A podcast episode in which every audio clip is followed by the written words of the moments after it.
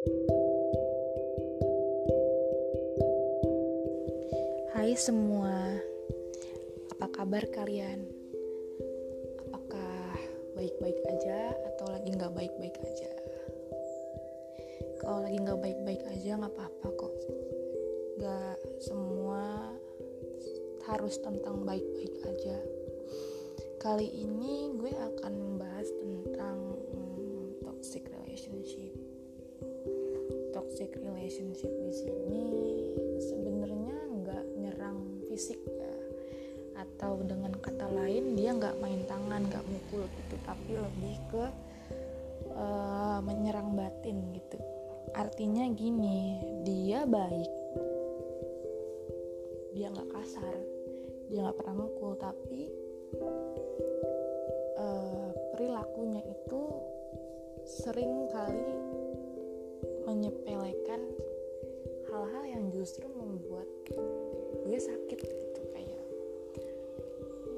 hmm, sebenarnya hal-hal yang dia wajarkan itu adalah hal-hal yang gue nggak suka dan dia nggak mencoba untuk merubah itu. Kalian pernah dengar nggak kata-kata yang bilang bahwa di dalam suatu hubungan itu pilihannya cuma ada dua antara kalian sama-sama menggali untuk mencari diamond yang pada akhirnya akan kalian nikmatin bareng-bareng atau kalian sama-sama merakit sebuah bom yang bisa meledak kapan pun itu.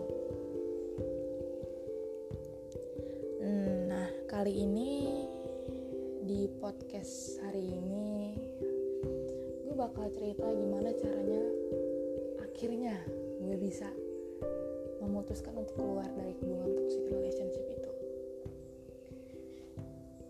Sejujurnya ya hmm, kalian setuju nggak sih kalau misalkan gue bilang bahwa toxic relationship yang lebih nyerang ke mental itu lebih akan menyiksa secara perlahan ketimbang toxic relationship yang main tangan? Karena apa? Karena gini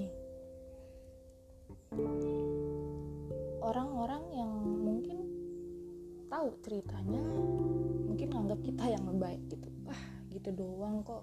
Sampai harus diputusin. Padahal mereka nggak ngerasain apa yang kita rasain gitu kan. Contohnya apa sih? Misal ya mungkin orang akan bilang gue lebay cuman ini yang gue rasain. Terserah kalian mau setuju atau enggak dengan pendapat gue. Kayak misalkan dia lebih memilih teman-temannya ketimbang kita pasangannya. Terus uh, dia jalan sama teman-temannya yang ya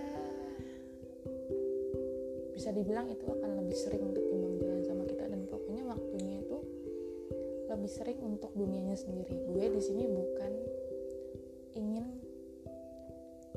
dia full untuk gue. Cuman ketika gue minta waktu harusnya ada lah gitu bisa ya. Karena kan nggak setiap hari gue minta waktunya dia juga. Nah dan masih banyak yang lainnya yang nggak gue kasih tahu di sini karena privacy gue juga menjaga lah kasihan. Kalau sampai dia denger kan gak enak juga kan. Uh, terus sebenarnya ya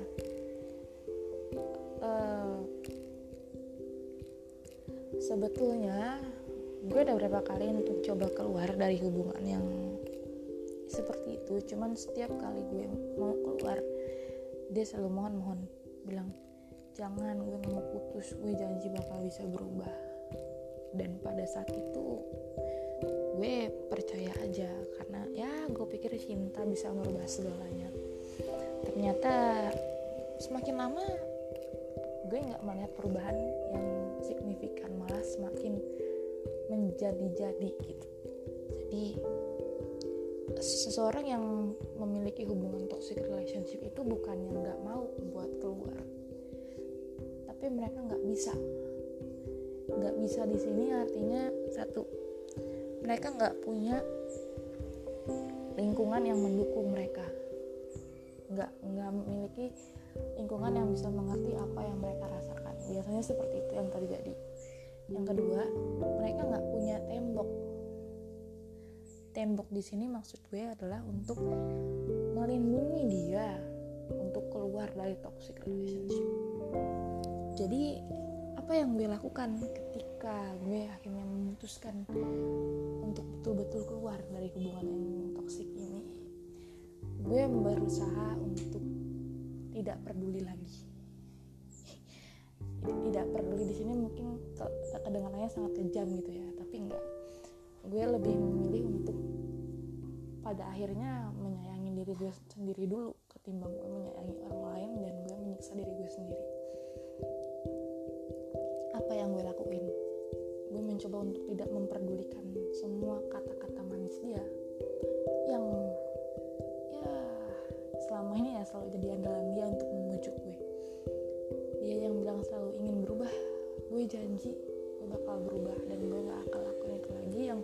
ternyata pada akhirnya nggak nggak bisa dia buktiin gitu.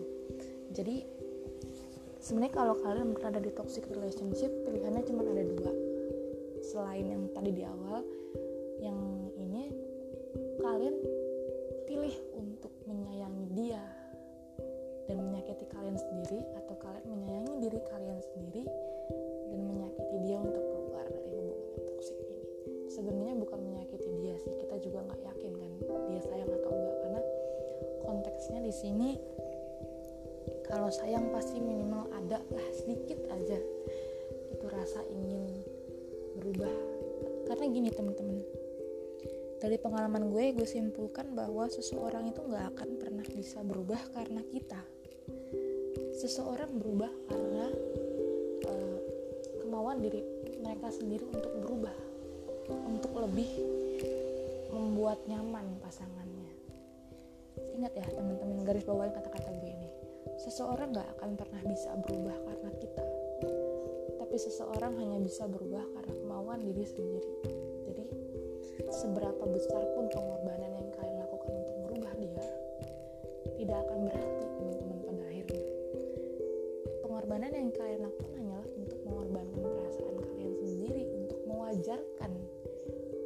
berusaha mewajarkan apa yang dilakukan sehingga kelihatannya ini hubungan baik-baik aja padahal ini nggak baik-baik aja teman-teman.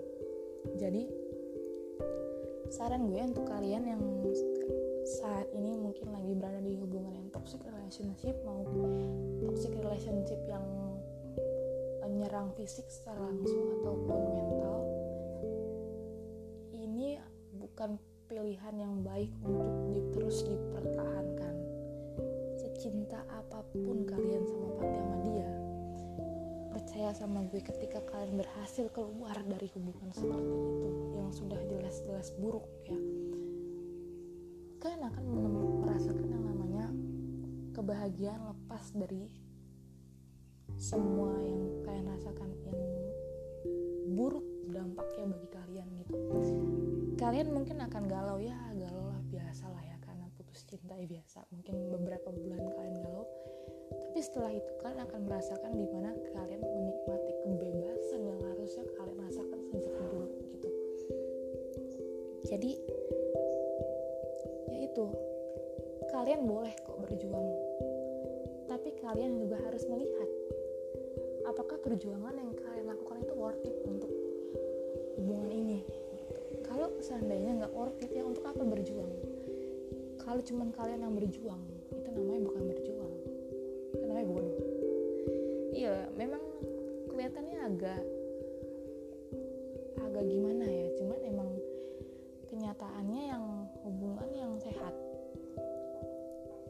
itu dua-duanya yang berjuang. Kalian sebenarnya ya susah sih memang kalau bahas tentang cinta. Kalau disuruh mikir pakai logika emang nggak akan nyambung. Cuman ketika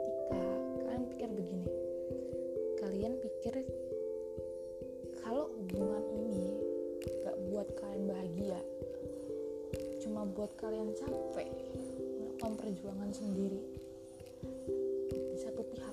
Untuk apa?